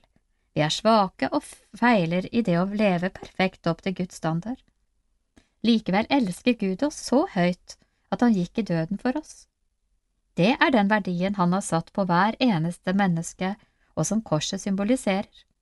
Jeg feiler, men du verden, jeg er elsket av Gud, sier Thor med et bredt smil. Det er fortellingen han baserer livet sitt på. Han sier det gjør noe med selvbildet hans og hvordan han møter andre mennesker. De er jo også elsket av Gud, på samme måte. Rettferdig Gud. Jeg tror også på fortellingen om at Jesus sto opp igjen fra de døde. Jeg tror at urettferdigheten ikke seirer, at døden, mørke, sykdom og ondskap ikke får det siste ordet. Ved Jesu oppstandelse seiret lyset og livet. Det er et enormt håp. Det er mange som ikke greier å se det håpet, som lever med mørke og sykdom. Vi har nylig hatt leirskred i Gjerdrum, flyktninger i Hellas som har en uholdbar situasjon, og mennesker som lider under krig og nød. Hvordan kan man løfte fram et håp der? Jeg har jobbet mye med det ondes problem, og synes det er den beste innvendingen mot kristen tro. Samtidig opplever jeg at det kun er troen på Gud som er løsningen på dette. Presten mener det ofte er det følelsesmessige, det man selv opplever av grusomheter, som gjør urettferdigheten og mørket vanskelig. Men mister vi Gud i det onde og i mørket, så mister vi det eneste vi kan sette håpet vårt til. Da blir mørket stående til slutt. Derfor tenker jeg at den eneste løsningen på det ondes problem er en Gud som ikke har lovet oss en rettferdig verden, men som har lovet oss en rettferdig Gud. Har du noen gang tvilt på Gud? Nei, jeg har ikke det, men noen dager har man følelsesmessige dårlige dager, og da kan man tvile på det mest grunnleggende i livet. Er mamma glad i meg? Er jeg bare til bry for alle? På sånne dager kan man lure på om Gud er der. Han mener det er sunt å stille spørsmål og har jobbet mye med fornuftsgrunnlaget for troen sin. Da jeg ble kristen, var det mange av mine venner som syntes det bare var tull. Jeg ble veldig opptatt av å vise at dette er fornuftig, og at det finnes godt belegg for å tro på Gud. Du er ganske frimodig når det gjelder troen din. Den opplevelsen jeg hadde, har vært kjempeviktig for meg, definerende og sterk. Og så skal man ikke undervurdere at jeg vokste opp i en flott familie som har gitt meg trygghet i meg selv. God natt, velsignelsen. I flere år etter at han ble kristen, hadde storebror Thor godnattstunder med søsknene sine der de fikk høre historier om tro og Gud.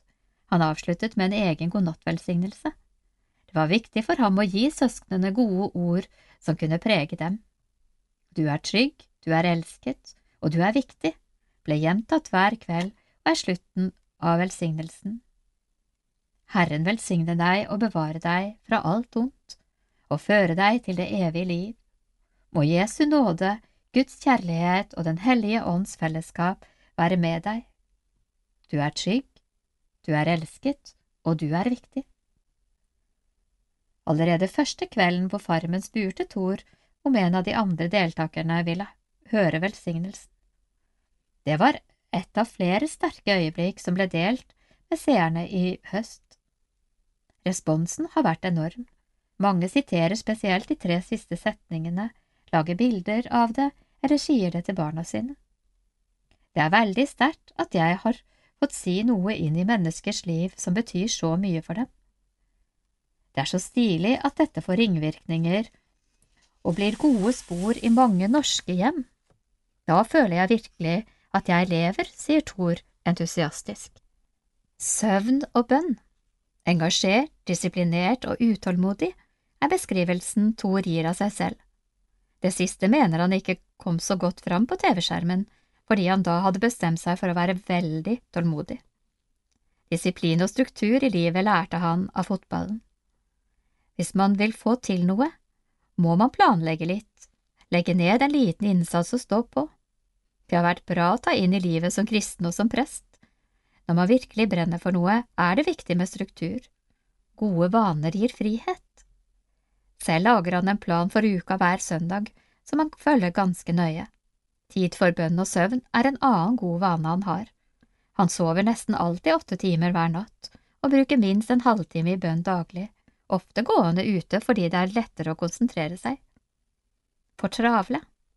Det var ikke bare det å dele troen med andre som motiverte Thor til å søke på Farmen-eventyret. Muligheten til å bo med mennesker han visste ville være svært ulike ham selv, syntes han var spennende. Det ble både en berikelse og en lærdom han tar med seg videre i livet. Thor var også begeistret for muligheten til å dra tilbake i tid og oppleve gårdslivet i 1920 leve uten strøm og så tett på dyr og natur. Reality-kjendisene mener vi i 2020 kan lære noe av 1920. Å være mindre travle, og ikke la oss bli så forstyrret av duppeditter og mobil. Vi er for travle til å ta inn over oss rikdommen i den kristne troen.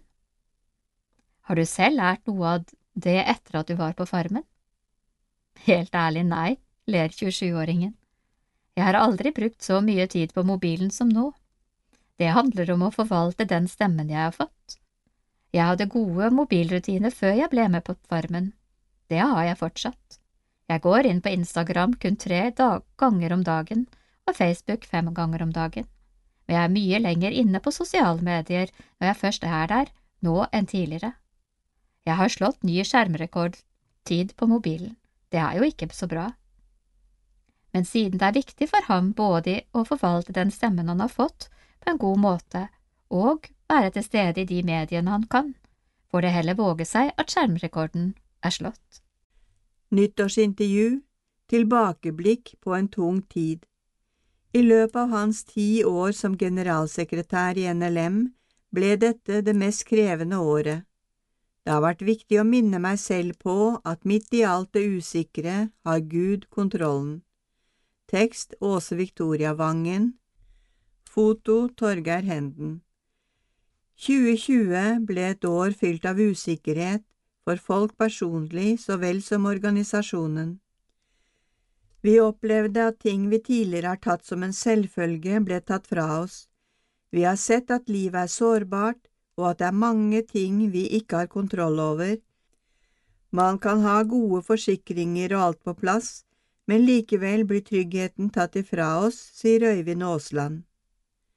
Aasland forteller at i løpet av hans ti år som generalsekretær i NLM ble 2020 det mest krevende.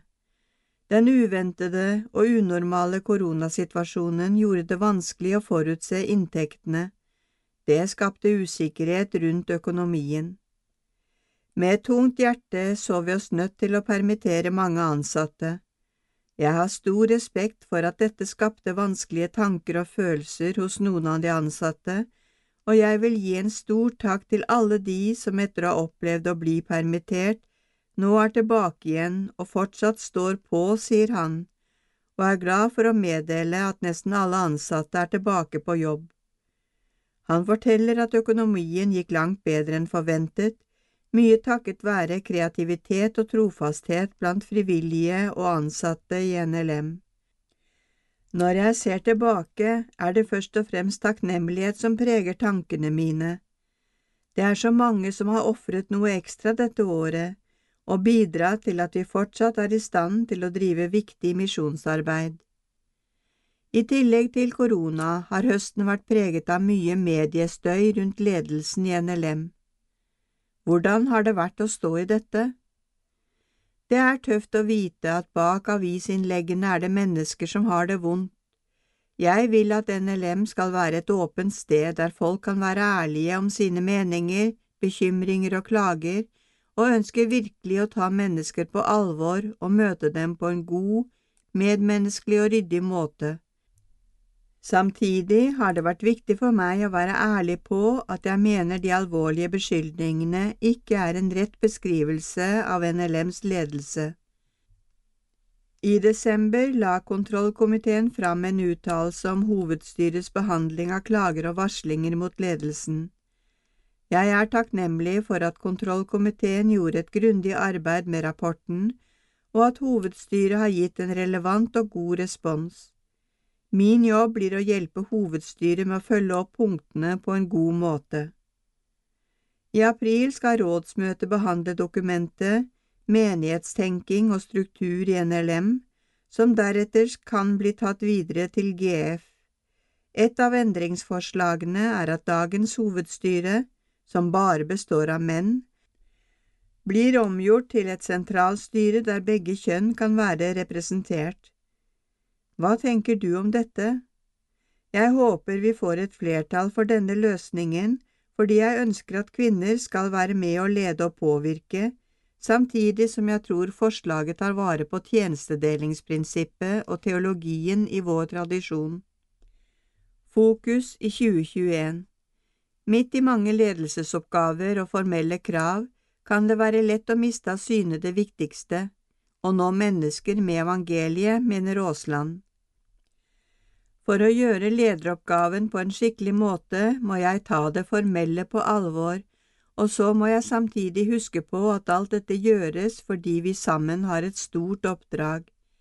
Vi vil nå mennesker i det sekulære Norge på en god måte, og vi vil nå de minst nådde i verden. Det er og blir vårt eksistensgrunnlag og fokus også i 2021. Vanligvis pleier generalsekretæren å reise rundt i Norge for å forkynne og inspirere til misjon, men det har det blitt mindre av denne høsten. Han håper smittesituasjonen og vaksiner vil gjøre det mulig for at NLM i 2021 kan ta opp igjen virksomheten i Norge og samles igjen. Det har vært særlig vanskelig at vi ikke har kunnet møte til fellesskap og forkynnelse, ettersom det er nerven i arbeidet vårt i NLM, sier han og presiserer samtidig takknemlighet til alle som har kastet seg rundt og laget gode og kreative digitale tilbud. Han har forventninger til å få sende ut flere misjonærer i 2021.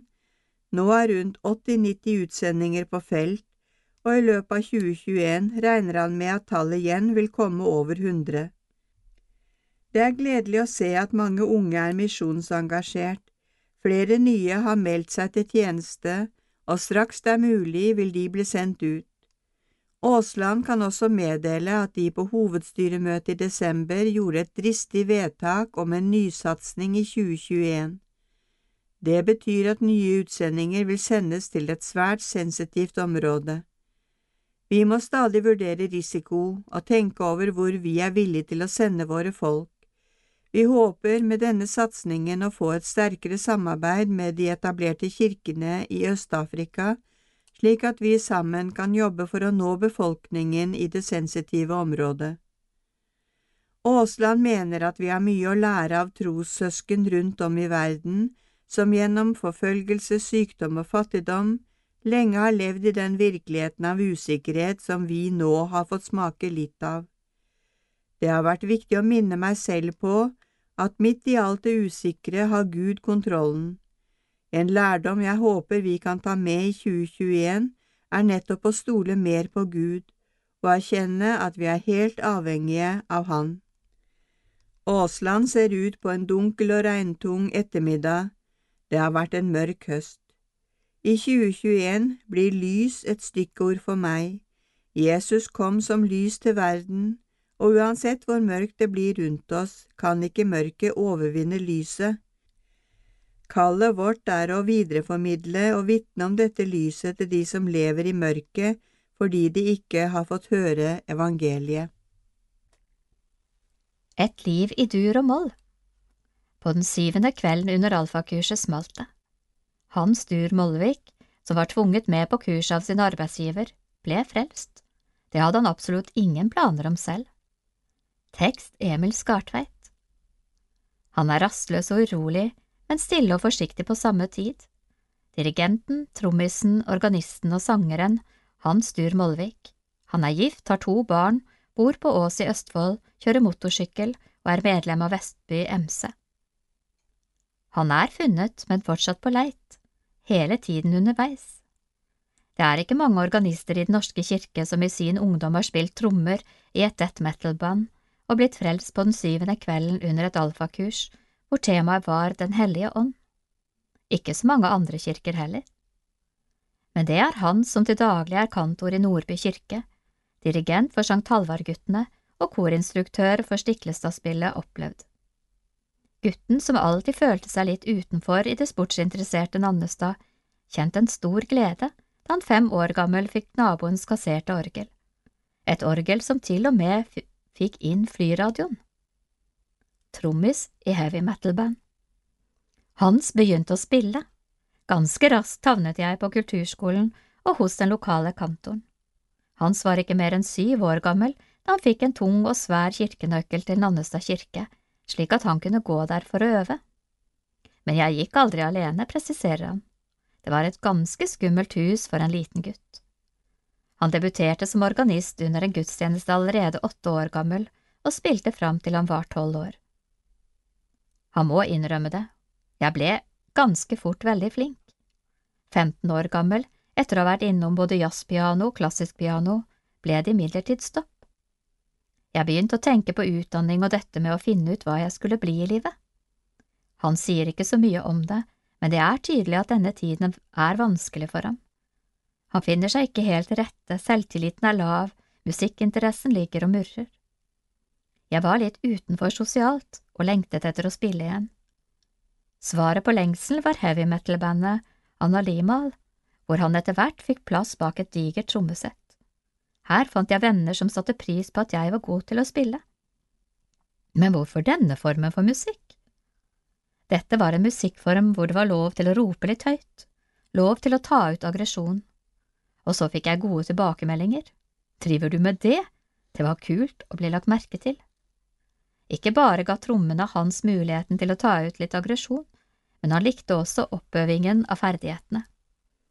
Du spiller med bein og armer, du må øve koordinasjon, arbeide med din simultankapasitet, samtidig er det jeg som setter tempo, som bestemmer. Organistvikaren Med hvordan havner en ungdom på alfakurs etter å ha definert seg som ateist og opponert mot kristendom allerede på barneskolen, etter å ha lest de 40 første sidene i Bibelen, og som på toppen av det hele ender med å bli frelst. Historien er litt tragisk, litt morsom og veldig fin. Etter at jeg var ferdig med militærtjenesten, døde en venn, og jeg ble spurt om å spille orgel i den begravelsen. Nannestad Maenighet, som sto uten organist akkurat da, merket seg dette og spurte derfor Hans om han kunne tenke seg å vikariere det neste året. Hats fikk panikk. Jeg hadde alltid slitt med nerver når jeg spilte, og tenkte at det ville jeg ikke takle. Men så dro jeg til en eldre kar som drev en lokal musikkbutikk i bygda. Her hadde jeg vært mye opp gjennom ungdomstiden. Jeg spurte hva han syntes. Butikkeieren var ikke i tvil. Hans måtte slutte å tenke, men heller stole på følelsene. Hva han aller mest egentlig ville. Men ingen hadde spurt Hans om han var døpt eller medlem av kirken. Først etter et halvt år fant den lokale presten det ut. Jeg fikk beskjed om at jeg måtte døpe meg. Da Hans nektet, fikk han likevel klar beskjed om at han i hvert fall skulle gå på et undervisningsopplegg om kristen tro, altså alfakurset. Hans hadde en gang tidligere utfordret Gud om å frelse ham. Det var etter en diskusjon med en tidligere kjærestes foreldre. Kjærestens mor hadde utfordret ham på å be til Gud om å gi ham en tro. Jeg husker at jeg den kvelden satte meg på sengekanten, foldet hendene slik jeg hadde sett andre gjøre på film, og si ordene Kjære Gud, om du finnes, gi meg en tro. Hans var så flau av det han gjorde, at han helst ville gjemme seg i klesskapet. Han fikk heller ingen svar, og var godt fornøyd. Diskusjonen med kjærestens mor hadde han i hvert fall vunnet. For en stund. Spydig og ærlig. Vi vender tilbake til alfakurset. Jeg var fæl på kurset, spydig og frekk, oppførte meg som en drittsekk, som en kverulant og etter egen mening en ganske god en. Han smiler. Vi hadde jo fått beskjed om å være ærlige, og det var jeg. Spydighetene varte til kvelds syv, hvor temaet var Den hellige ånd. Jeg ante rett og slett ikke hva som skjedde, men plutselig kjente jeg en sprudlende glede som jeg ikke klarte å skjule. Jeg hadde ingen planer om å bli en kristen, jeg hadde bare tenkt å lære litt. Men én ting er Hans ganske så sikker på. Den kvelden hadde Den hellige ånd en finger med i spillet. Han spilte fortsatt trommer i Analimal og var bestemt på at det som hadde skjedd denne kvelden, trengte ikke gutta i bandet å få vite noe om. Men allerede da han etter kurskvelden ble hentet av vokalisten, sprakk nyheten. Jeg er blitt en kristen. Hans klarte ikke å la være. Vokalistens svar var ærlig, godt og direkte, det kan vel for øff være det samme for meg. Og for Hans var et slikt svar betryggende, de to delte på den tiden også leilighet til stede i egen tro. Hans valgte å bli døpt i den ortodokse kirke. Det var her han falt til ro, det var her han virkelig kjente seg hjemme. Gudstjenestelivet bergtok ham, hvordan bønnen var integrert i selve gudstjenesten, røkelsen og luktene. Det å skulle stå lenge var uvant til å begynne med, men da han så en gammel dame som etter å ha sittet på en krakk i begynnelsen, reiste seg opp under gudstjenestens start, bestemte han seg for å stå like lenge som henne. Det ble en hel time, stående. Hans oppdaget i tillegg også en frihet ved det at det var anledning til å flytte på seg underveis. Den nyomvendte var også nervøs for om han burde skifte jobb etter å ha blitt døpt i den ortodokse kirke. Han spurte en av sine fadder om det, men svaret var godt og beroligende. Han svarte, Vet du, det er kristne mennesker overalt. Gjør det beste du kan i den jobben du har. Det var fint å få høre og hjalp meg også å se rikdommen i økumenikk, rikdommen i å ikke snakke ned andre former for kristendom. Vi har det samme budskapet selv om vi tilber på ulike måter. Det økumeniske, den felleskristelige tilhørigheten, har han tatt ut i fullt monn. Han tilhører den ortodokse kirke, er organist i den lutherske og dirigerer det kjente koret Sankt Halvard-guttene, som ikke tilhører den katolske kirke lenger, men som likevel drar til Roma en gang i året for å synge i Peterskirken. I fjor sang de under søndag formiddags hovedgudstjeneste der for første gang på 20 år. Det var stas. Jeg elsker disse guttene. Det er en gave å dirigere gutter som liker å synge gregoriansk sang. Å se og høre barn i åtteårsalderen nynne på gregoriansk sang når vi har pause i øvelsen, gir meg et kick. Hans Dur Molvik er opptatt av at det først og fremst er Gud som har gitt ham en tro, og ikke han som har valgt det. Skulle jeg slutte å tro, måtte jeg fornekte troen. Jeg har ingen mulighet til å bare skru den av. Herre, forbarm deg. Hans er opptatt av å ikke bli fremstilt som en superkristen. Det er han ikke. Men jeg opplever at det er godt å ha noen å snakke med om det som er vanskelig. Før måtte jeg bære alt selv. Det slipper jeg nå. Samtidig opplever jeg at troen har hjulpet meg å se dybden i andre mennesker og deres hjerter, Å få forstå at vi kan være fylt av noen som er større enn oss selv, noe åndelig. Hva er det vanskeligste? Det er mye som er vanskelig. Det vanskeligste er kanskje å få være nok til stede i min egen tro. Troen er ikke noe som hentes fram søndag klokka elleve. Dialogen med Gud må være en del av hverdagen, sier Hans Stur Målvik, og trekker fram Jesusbønnen som den bærende bønnen i denne dialogen. Herre Jesus Kristus, Guds sønn, forbarm deg over meg, en synder. Det er tid for å avslutte, men Hans har enda en sak han brenner for, ungdom som ikke fikser livene sine. Ungdom trenger å få vite at det vanskelige og tøffe i ungdomstiden går over. Noen må synge den sangen for dem, noen må nå fram med dette. Fortsatt er prosjektet størst på planleggingsstadiet. Sangene er enda ikke skrevet. Jeg hadde det tøft i ungdomstiden selv, og tenker at det er viktig å fortelle de unge at de har god tid. Alt trenger ikke å skje så fort. Slik slår Iran ned på de kristne, kirke under press, skrevet av Manjur Borij, direktør i Article 18.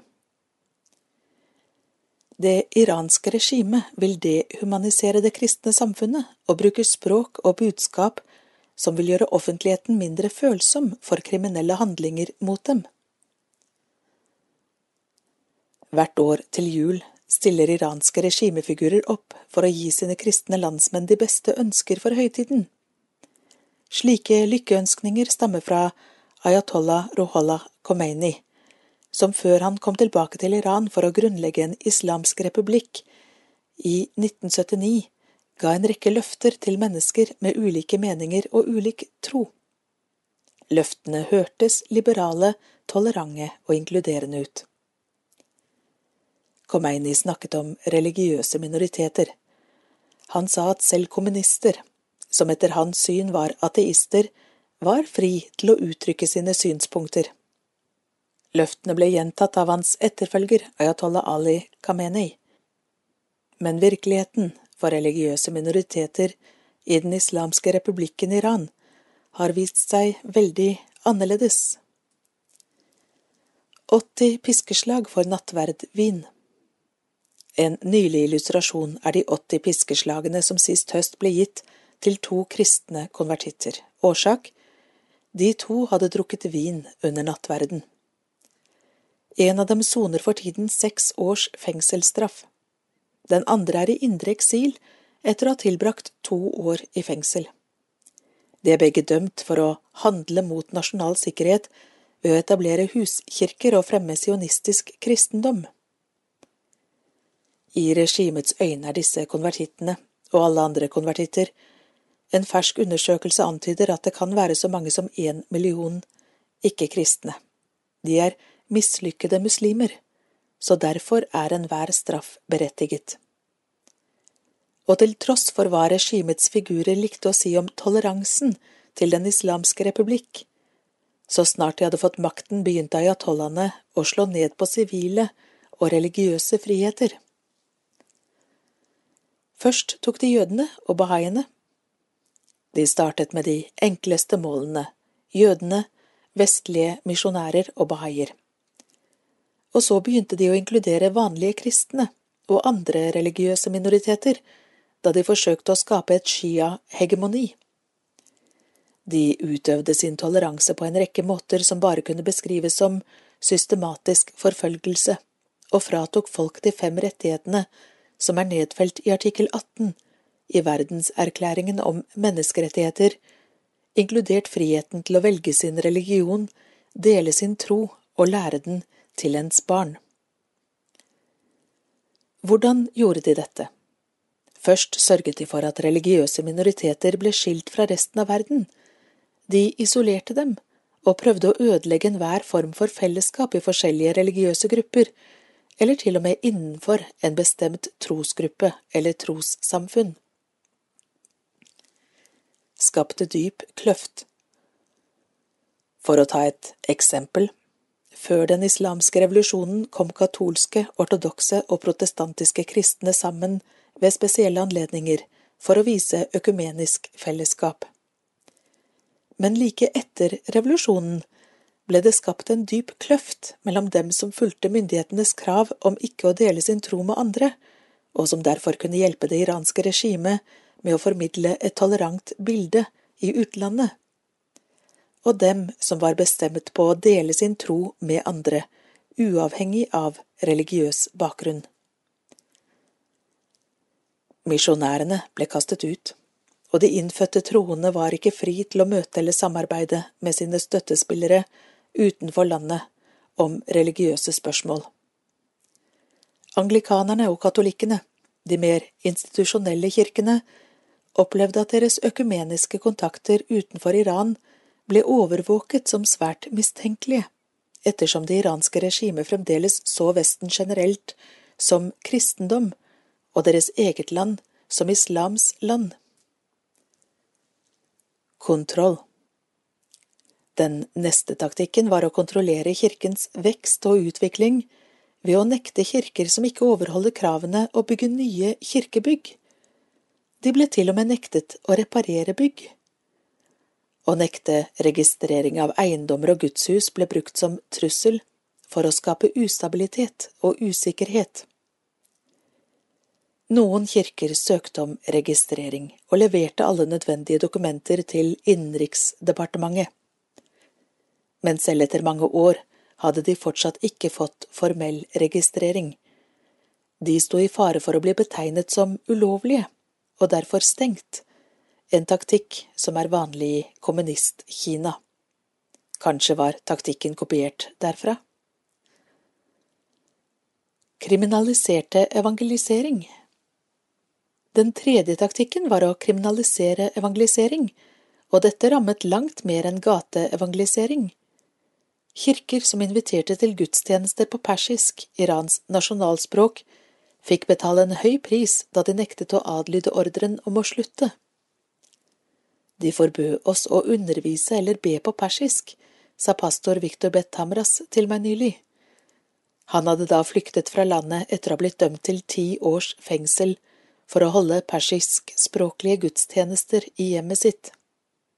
Han inviterte til disse gudstjenestene etter at han fikk forbud mot å lede kirken han ledet, Teheran Pentecostal Assyrian Church. Den ble stengt av Innenriksdepartementet i 2009. Kveler lederutvikling Den neste taktikken var å kvele kirken ved å undergrave lederutvikling. Regimet har presset erfarne ledere som pastor Victor Bethamras ut av landet ved å bruke trusselen om lang straff, eller at familiemedlemmer ville bli rammet av ulykker i hermetegn. Dessuten har de stengt kristne seminarer og satt en stopper for grunnleggende lederopplæring. Vi kan nevne alt fra raidene mot Assemblies of God Central Church i Teheran, der de konfiskerte alle tilgjengelige bøker, til raidene mot pastorenes personlige hjem og arkiver, inkludert hjemmet til pastor Robert Assyrian, som ledet kirken. Alle bøkene ble konfiskert og kom aldri tilbake.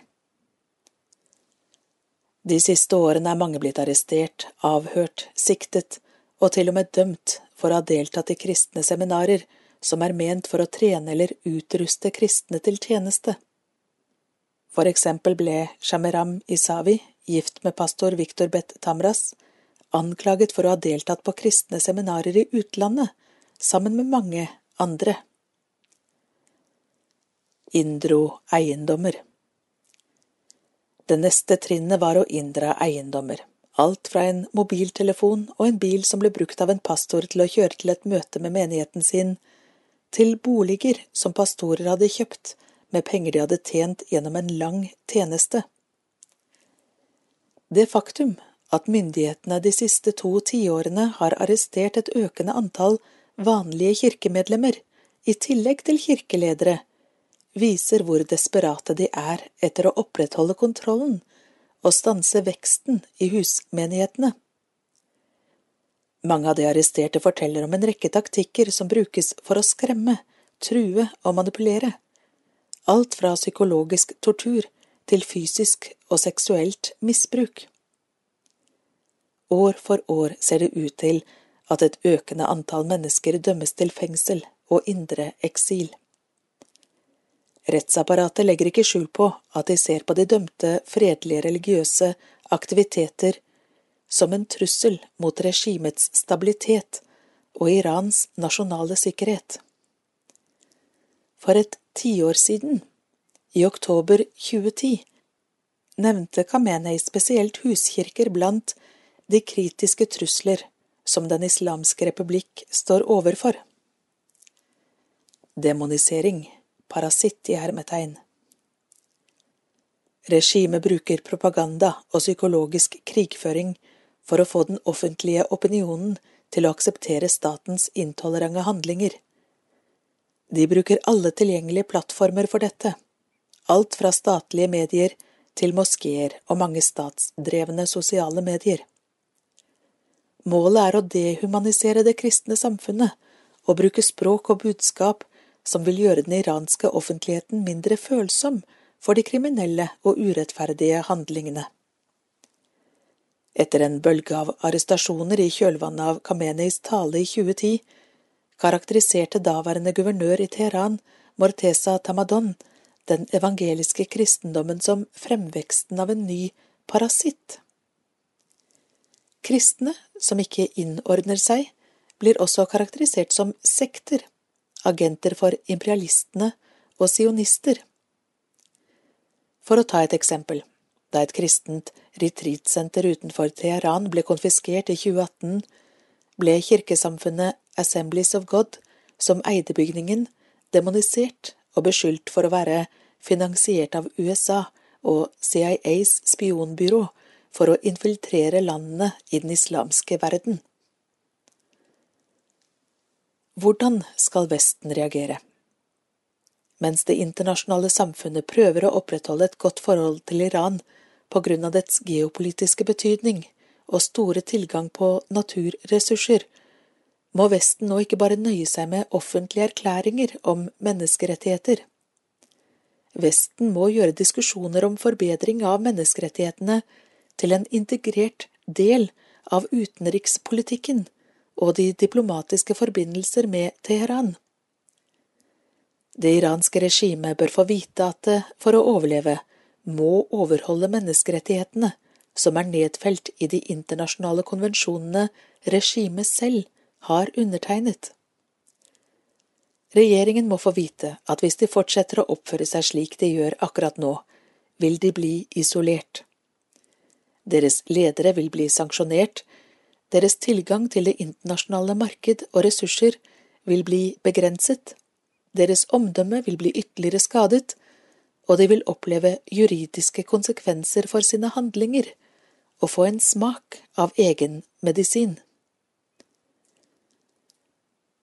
Manjur Boric er direktør i den London-baserte menneskerettighetsorganisasjonen Article 18 Artikkelen ble først publisert 9.12.2020 på nettsiden til Middle East Institute. Iran benekter forfølgelse. Iran avviser at landet driver systematisk forfølgelse av kristne. Ingen fengsles for sin tro, men for lovbrudd, fiendtlighet og undergravende virksomhet, sier Iran. Les mer på www.stefanus.no. Betraktning av Rebekka Dvergastein Dale, høyskolelektor teologi ved Ansgar høgskole. Hva er kirkens viktigste oppgave nå? Kirken skal være synlig denne tiden. Nå kan vi endelig vise at kirken ikke er kirkebygget, men viser vi egentlig dette? Mange prester og pastorer, ofte de eneste ansatte i en menighet, bruker tiden sin på å være på nett. Den ene timen på søndag vi kaller gudstjeneste, som alltid har stått høyt i kurs, tar fokus, energi og kapasitet. Effekten blir merkbar, en ny bølge alle skal hive seg på. Å være på nett framstår nesten som den eneste løsningen i denne tiden med sosial distanse. Som teolog ser jeg med undring på det hele. Er det virkelig den viktigste oppgaven Kirken og vi som representerer den skal fokusere på nå, å gå på nett? Kirke og det å være en troende i dag handler om så mye mer enn denne timen på søndag. Det handler om et liv som ligner han vi følger. Han som tok på de spedalske, ikke en oppfordring til berøring her, han som så dem ingen andre så, han som ga plassen med stor P til de minste. Dette er tiden for å være misjonale. Johannes 20 vers 21 Som Far har sendt meg, sender jeg dere. I denne krevende og sårbare tiden skjer nyskaping og kreativitet som aldri før. Artister strømmer konserter, museer digitaliserer utstillinger, og flere enn noen gang før tar i bruk digitale verktøy. Vi lærer oss å holde møter uten å treffes, undervise digitalt og prøver ut nye digitale løsninger som aldri før. Det er med undring jeg ser på hvordan menigheter i denne tiden gjør det samme. Det kan virke som om hovedfokuset er å digitalisere gudstjenestene. Ansatte i små forsamlinger bruker masse tid på å lære seg å ta opp egenproduserte gudstjenester. Jeg skulle ønske ledere tok denne muligheten til å være kirke, ikke å være kirke på nett. I liminalfasen, antropolog Victor Turners forskning, skjer nyskaping. Liminalfasen er en mellomfase som kommer etter et stadium der man har vært adskilt fra samfunnet. Turner peker på at liminalfasen er en fase med store muligheter for kreativitet og transformasjon.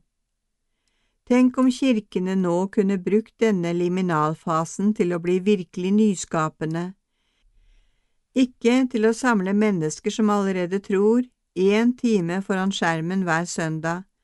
Det er ikke det viktigste i det å følge Han.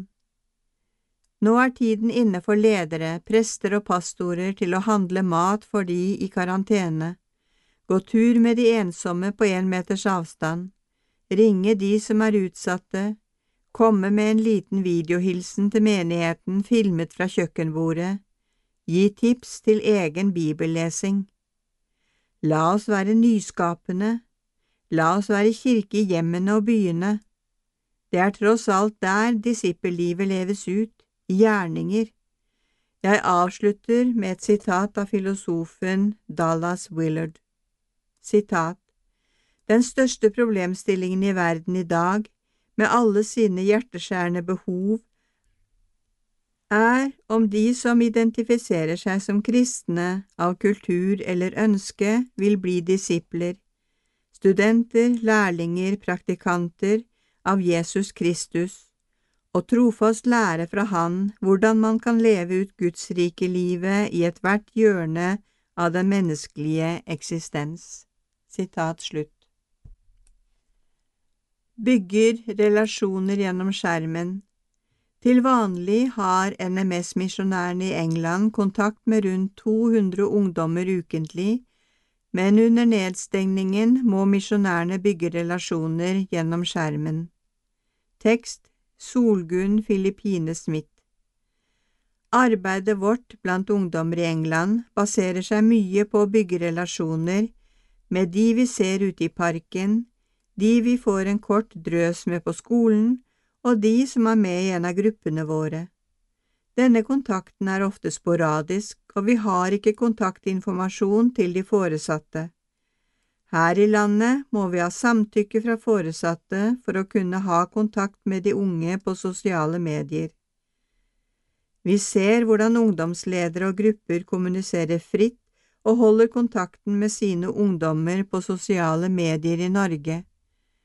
Det er hardt å vite at vi ikke kan kontakte våre ungdommer på den måten, selv om de også er på sosiale medier. Spesielt dette året hvor vi nesten ikke har kunnet se ungdommene våre fysisk.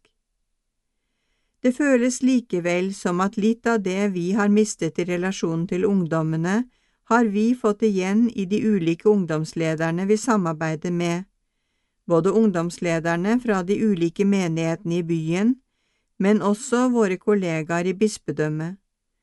Dette året har vi fått kommet mye nærmere dem, ironisk nok oftest over skjermen. Vi har hatt utallige samtaler og møter hvor vi har luftet vår usikkerhet rundt retningslinjene, vår frustrasjon over alt vi ikke kan gjøre, og vår uro for ungdommene våre. Det har vært godt å være sammen om å kjenne på mange av de samme utfordringene. Ikke bare har vi fått delt erfaringer, frustrasjoner og ikke minst ressurser med hverandre denne tiden, vi har også startet opp en bibelgruppe hvor vi leser og ber sammen. Drøsen, fleipen og den gode tonen i denne gruppa har vært et absolutt høydepunkt disse mange ukene hvor vi alle har vært sittende hjemme. Selv om det meste dette året har vært usikkert, kaotisk og nytt, har det vært godt å ha et fellesskap med kollegaer som står i det samme, og som er med oss i å fortelle ungdommene om Jesus, han som er den samme uavhengig av hvordan verden ser ut.